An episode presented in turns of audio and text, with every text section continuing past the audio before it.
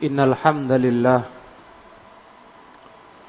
Nahmaduhu wa nasta'inuhu wa nastaghfiruh. Wa na'udzu billahi min shururi anfusina wa min sayyiati a'malina. May yahdihillahu wa may yudlil Ashhadu an wahdahu la syarikalah له وأشهد أن محمدا عبده ورسوله يا أيها الذين آمنوا اتقوا الله حق تقاته ولا تموتن إلا وأنتم مسلمون يا أيها الناس اتقوا ربكم الذي خلقكم من نفس واحدة وخلق منها زوجها وبث منهما رجالا كثيرا ونساء واتقوا الله الذي تساءلون به والأرحام إن الله كان عليكم رقيبا يا أيها الذين آمنوا اتقوا الله وقولوا قولا سديدا يصلح لكم أعمالكم ويغفر لكم ذنوبكم ومن يطع الله ورسوله faqad faza fawzan azima. Fa asdaqal hadithi kitabullah wa khairal huda huda Muhammadin sallallahu alaihi wasallam wa syarrul umuri muhdatsatuha fa inna kulla muhdatsatin bid'ah wa kulla bid'atin dhalalah wa kulla dhalalatin finnar amma ba'd Usikum wa nafsi bitaqwallah faqad fazal muttaqun. Kaum muslimin yang dirahmati Allah Subhanahu wa taala. Kehidupan ini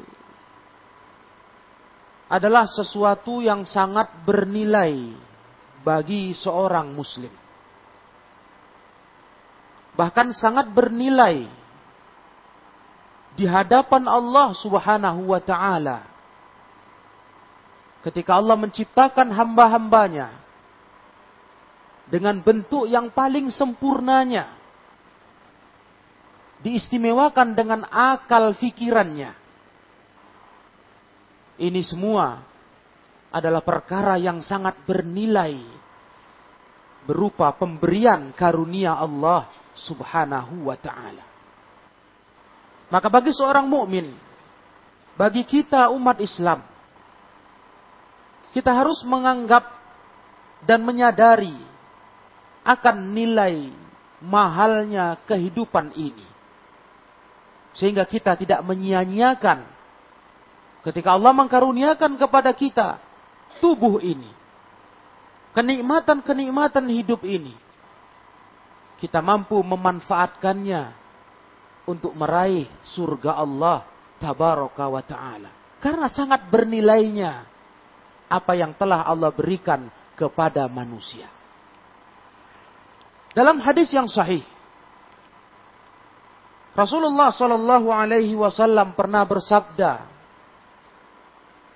dari hadis sahabat yang mulia Abu Hurairah radhiyallahu taala anhu kata Rasulullah kullu sulama minan nasi alaihi sadaqah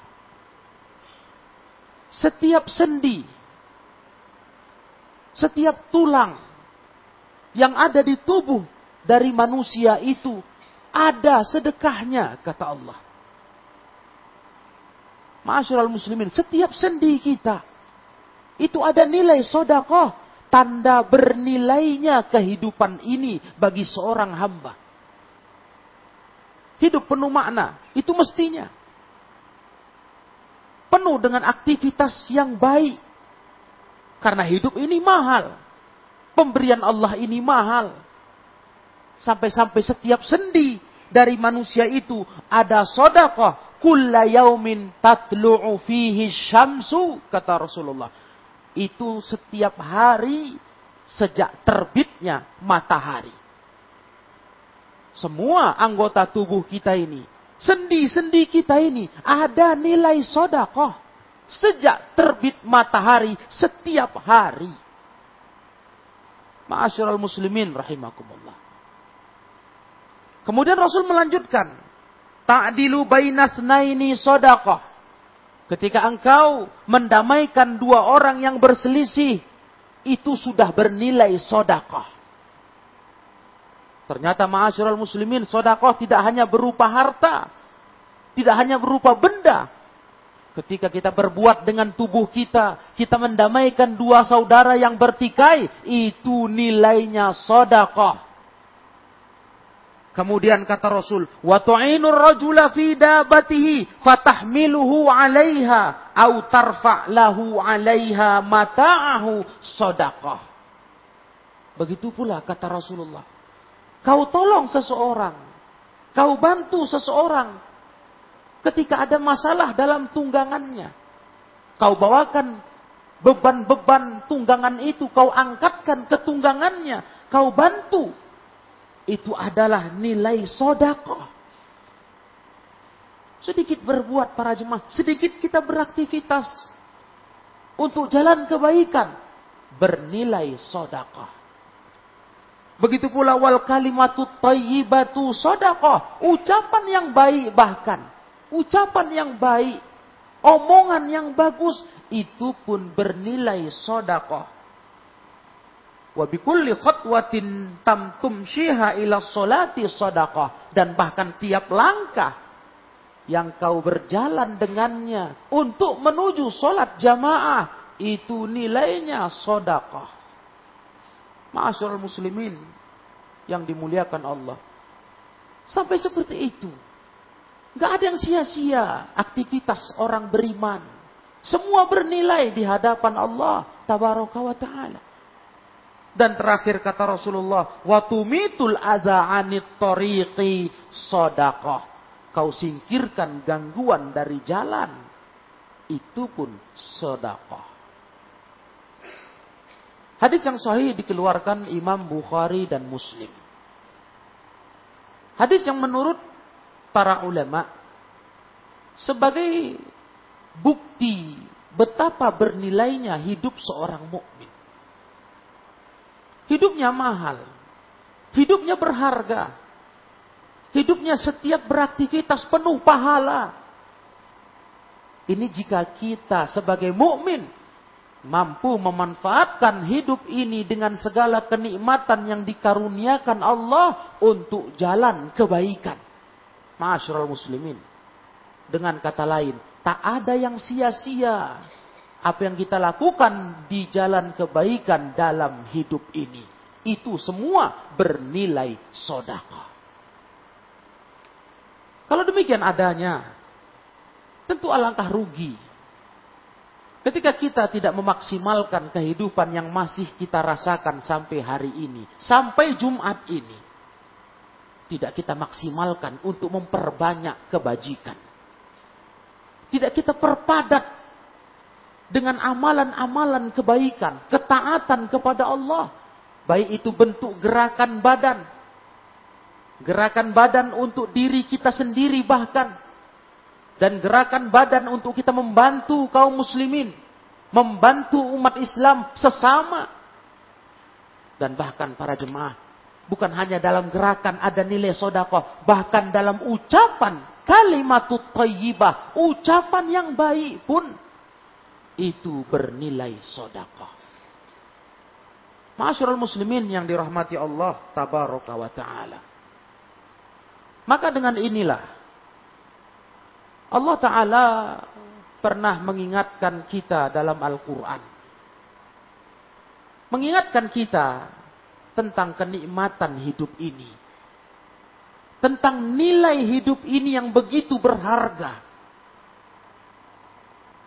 apa kata Allah di dalam surah Al-Infitar ayat ke-6 sampai ke-8 Allah berfirman Ya ayyuhal insan ma gharraka bi rabbikal karim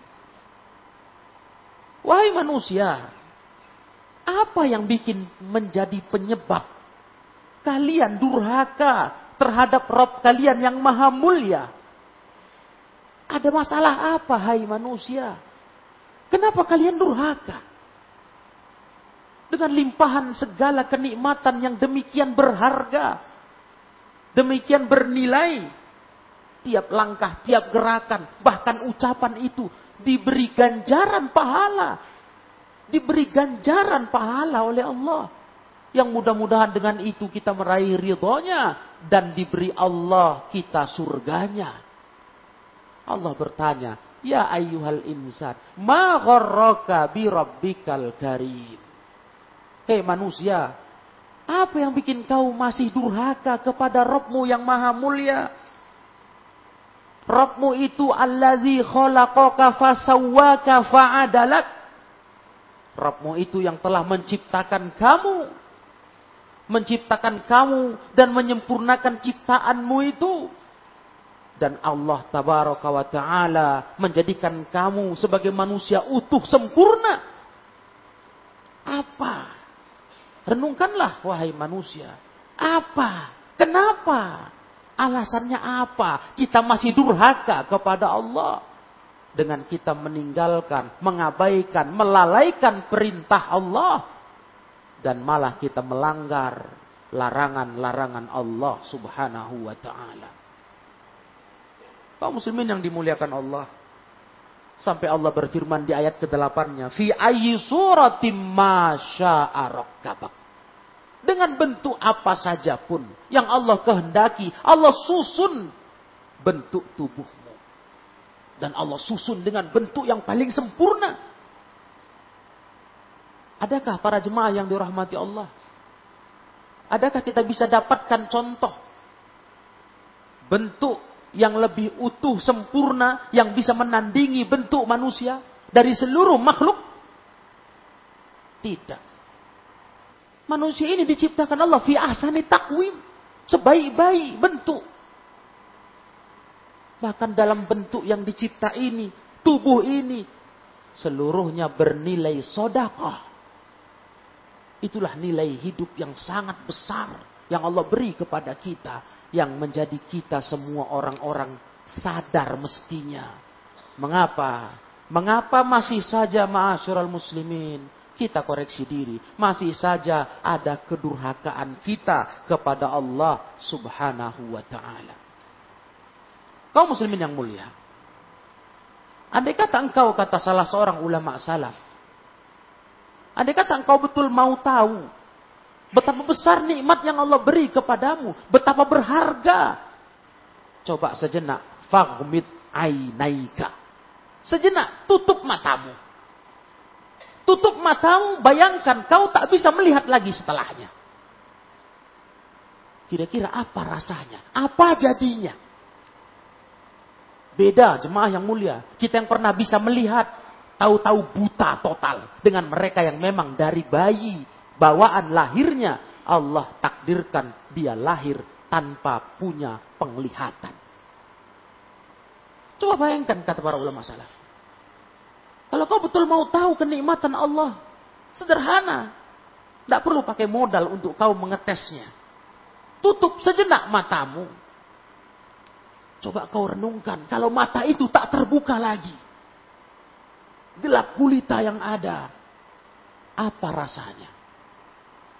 kaum muslimin yang dirahmati Allah Subhanahu wa taala. Jadi dalam kehidupan kita di muka bumi ini kita betul-betul dituntut untuk menghargai kehidupan. Untuk betul-betul memanfaatkan kehidupan ini. Maksimalkanlah. Karena hidup ini sangat bernilai. Bernilai. Harganya sangat mahal nikmat-nikmat Allah yang Allah berikan kepada kita teramat istimewa, tak akan bisa kita menghitungnya, bahkan kita tak akan bisa untuk menghargainya dengan harga seberapapun juga.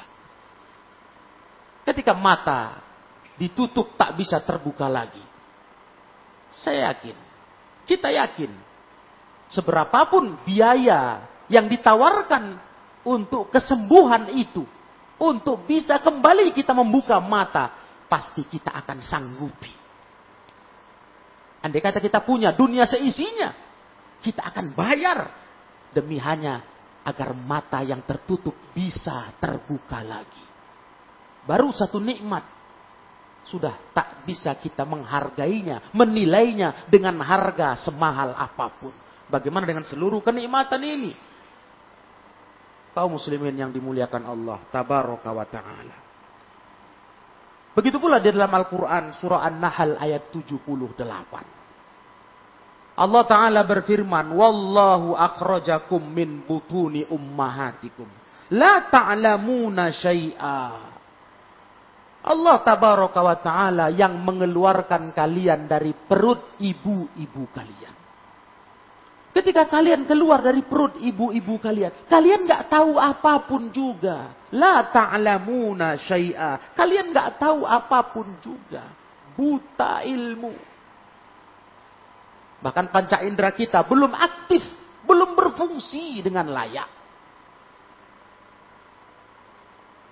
Berjalan waktu, bertambah umur, barulah pelan-pelan panca indera kita berguna. Mata bisa melihat, telinga mendengar, mulut bisa bicara, dan seterusnya anggota tubuh bisa digerakkan. Allah ingatkan itu. Allah keluarkan kalian dari perut ibu-ibu kalian. Kalian tak tahu satu apa pun juga. Wa ja'ala lakumus sam'a wal wal af'idah la'allakum tashkurun. Lantas Allah menjadikan untuk kalian pendengaran. Ini pendengaran kita ma'asyiral muslimin jamaah Jumat yang mulia. Yang sekarang kayak biasa saja rasanya. Seperti bukan sesuatu yang istimewa. Ketahuilah, dulu itu nggak ada. Telinga ada, pendengaran belum berfungsi. Dan tanpa kita mengeluarkan biaya. Beriring berjalannya hari, telinga kita semasa bayi lambat laun berfungsi seutuhnya. Allah beri kepada kalian penglihatan, basara, mata ma'asyiral muslimin. Sudah ada. Tapi masa kita dilahirkan ibunda kita, itu mata tak bisa melihat. Tanpa biaya, seiring berjalan waktu, mata kita pun menjadi sesuatu yang berguna untuk kita melihat keindahan dunia yang tak seberapa. Masya Allah. Dan Allah jadikan untuk kalian al-afidah, hati. Hati untuk memahami, hati untuk mengerti, untuk bisa berguna. Membedakan baik buruk dalam kehidupan, manfaat dan madarat. Sebelumnya hati sudah ada, tapi untuk apa? Nggak bisa digunakan. Lambat laun hati pun berfungsi. Datang masuk pemahaman, masuk ilmu. Jadilah kita orang yang berharga, bernilai di mata manusia. Untuk apa semua ini kaum muslimin yang mulia? Untuk apa semua ini kata Allah dalam surah An-Nahl ini? La'allakum tashkurun. Supaya kalian tahu syukur kepada Allah. Bersyukurlah ma'asyiral muslimin. Dengan menghargai kehidupan ini dengan betul-betul menghargai nilai istimewa hidup ini. Allah saja mengganjar tiap gerakan sendi-sendi tubuh kita dengan pahala sodakoh. Kalau kita mau menggunakannya untuk ketaatan di jalannya. Kita mau memaksimalkannya untuk menambah catatan pahala di sisi Allah. Kenapa kita tidak malah menambahnya? Allah saja mengganjarnya, tapi kita malah tidak ingin memperbanyaknya. Ini sebuah kesalahan cara fikir dalam kehidupan. Cara fikir yang sering masuk ke dalam jalan fikir manusia hari ini adalah memuaskan hawa nafsu di kehidupan dunia. Memuaskan hasrat. Tanpa berpikir apa yang Allah karuniakan dalam hidupnya ini. Ini sangat bernilai untuk meraup pahala sebesar-besarnya. Mendulang pahala sebanyak-banyaknya. Itulah bentuk syukur kita kepada Allah Subhanahu wa taala. Mudah-mudahan kaum muslimin dengan diingatkannya kita akan hal ini kita kembali sadar dan kembali bersemangat meningkatkan lagi semangat untuk segala perkara-perkara yang mendatangkan pahala dan kebaikan dalam hidup kita dunia akhirat. Untuk kita bersemangat jika kita diajak bicara mengerjakan ketaatan kepada Allah dan meninggalkan kemaksiatan, bertobat darinya. Karena sekali lagi, kita ingin jadi seorang muslim yang tahu menghargai nilai kehidupan ini. Tahu memaknai kehidupan ini. Bukan orang yang hidup sia-sia. Orang-orang yang mereka memang punya penglihatan, punya pendengaran, punya hati. Tapi nggak bisa dipakai mendengar, nggak bisa dipakai melihat, nggak bisa dipakai memahami. Padahal semuanya ada di tubuh mereka. Orang seperti mereka itu yang Allah katakan di Al-Quran. Hum kal an'am bal hum adal. Itulah orang-orang yang seperti hewan ternak. Yang sama-sama juga punya panca indera. Punya penglihatan, pendengaran, punya hati. Tapi kitalah semua tahu. Bagi hewan ternak itu nggak berfungsi selayaknya. Karena mereka tidak dicipta Allah untuk menerima beban syariat. Bahkan orang yang kayak begitu kata Allah, balhum adal, itu lebih parah kondisinya. Nauzubillah min dzalik. Kita mohon kepada Allah agar kita diselamatkan dari kondisi orang-orang buruk seperti itu dan terus dijadikan Allah termasuk hamba-hambanya yang tahu bersyukur, yang tahu menghargai mahalnya nikmat kehidupan. Aku lu qauli hadza wa astaghfirullah li wa lakum walisairil muslimin wal muslimat fastaghfiruh innahu huwal ghafurur rahim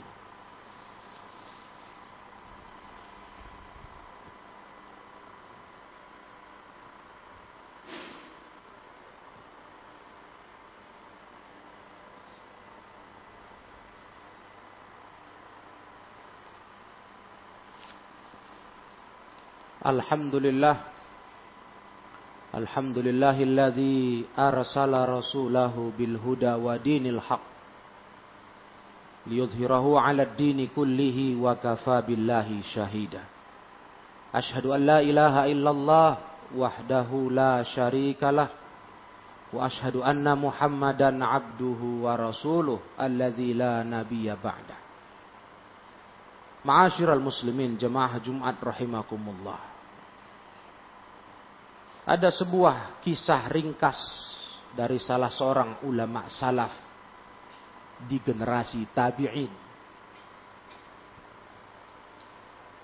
Yang bisa menjadi contoh untuk kita mampu memaksimalkan kesempatan sodakoh yang ada pada kalimat toyibah di hadis tersebut. Hadis yang berkata ada ada sodakoh dalam kalimatut toyibah. Salah seorang ulama salaf menceritakan bahwasanya kuntu hulaman. Saya dulu seorang anak muda. Anak muda yang sangat indah suaranya. Hasanus saut Sangat bagus suaranya. Diberi Allah karunia suara yang baik. Kemudian juga ahli pintar bermain alat musik. Maka suatu ketika saya sedang bernyanyi dengan salah seorang sahabat saya. Tahu-tahu muncul seorang laki-laki. Datang ke tengah kami dan laki-laki itu langsung memecahkan alat musik yang kami pakai. Seraya laki-laki itu berkata, Laukana ma yusma'u min husni sautika ya gulam bil Qur'ani kunta anta anta. Hei anak muda, andai kata yang terdengar dari indahnya lantunan suaramu itu adalah bacaan Quran, Sungguh kaulah orang beruntung. Sekedar ngomong seperti itu. Dan orang ini pun berlalu. Meninggalkan kami. Aku berpikir kata ulama salaf ini. Merenungkan ucapannya. Kemudian aku pun dibukakan Allah pintu hati untuk bertobat. Dari menyanyi, bermusik, karena ada ucapan yang indah tadi. Hei anak muda. Kalaulah yang didengar dari lantunan suara indahmu itu adalah Al-Quran. Sungguh kaulah orang beruntung. Ketika aku sudah merasakan kesadaran itu, aku tanya, siapa orang tadi? Ternyata orang tadi, ma'asyiral muslimin rahimakumullah, adalah sahabat yang mulia, Abdullah ibnu Mas'ud radhiyallahu taala anhu. Ketika membawakan riwayat ini, apa kata ulama? Lihatlah ikhwani fiddin. Lihatlah faidah kalimat baiknya Ibnu Mas'ud dengan menegur yang sangat sederhana tegurannya. Ringkas. Tapi kita bisa bayangkan kata ulama. Pahala apa yang didapat Ibnu Mas'ud dengan tobatnya orang tadi. Tobat dia. Dia ajak mungkin kawannya tobat. Dia tebarkan kebaikan dalam jalan tobatnya. Subhanallah nilai kalimat toyibah Ibnu Mas'ud itu berupa sodako. Sodako yang mengalir tak putus-putus. Sampai waktu yang tidak ditentukan Allah. Nah di sini ada motivasi ma'asyiral muslimin.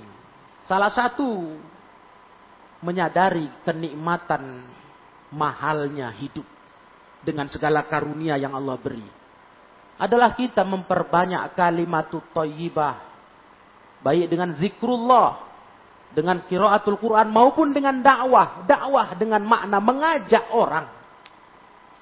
Tidak pelit bicara mengajak orang kepada jalan kebaikan kalau orang tersebut dapat hidayah melalui ajakan kita sungguh alangkah beruntungnya seperti kisah Abdullah bin Mas'ud radhiyallahu taala anhu yang ternyata tegurannya berkesan di hati pemuda itu dan dia bertobat kepada Allah. Inilah yang ingin para jemaah yang mulia, ingin kita teladani dalam hidup ini. Agar lisan-lisan kita, tingkah laku kita diisi dengan makna-makna ibadah yang sangat bernilai di sisi Allah. Sangat berharga. Sodapa. Iya. Memang hidup ini harus untuk itu.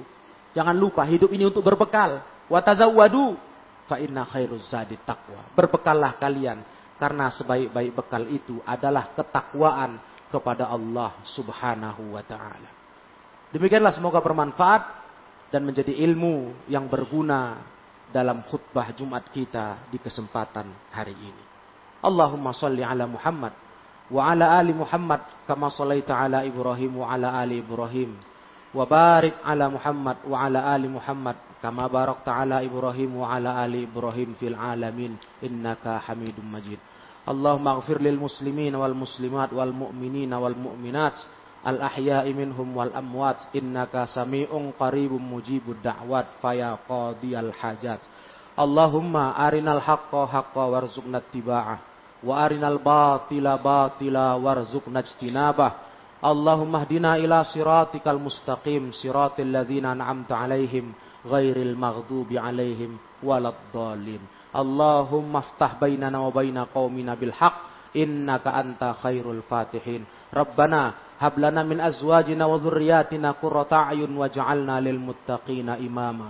ربنا آتنا في الدنيا حسنة وفي الآخرة حسنة wa qina azaban nar wa qina azaban nar.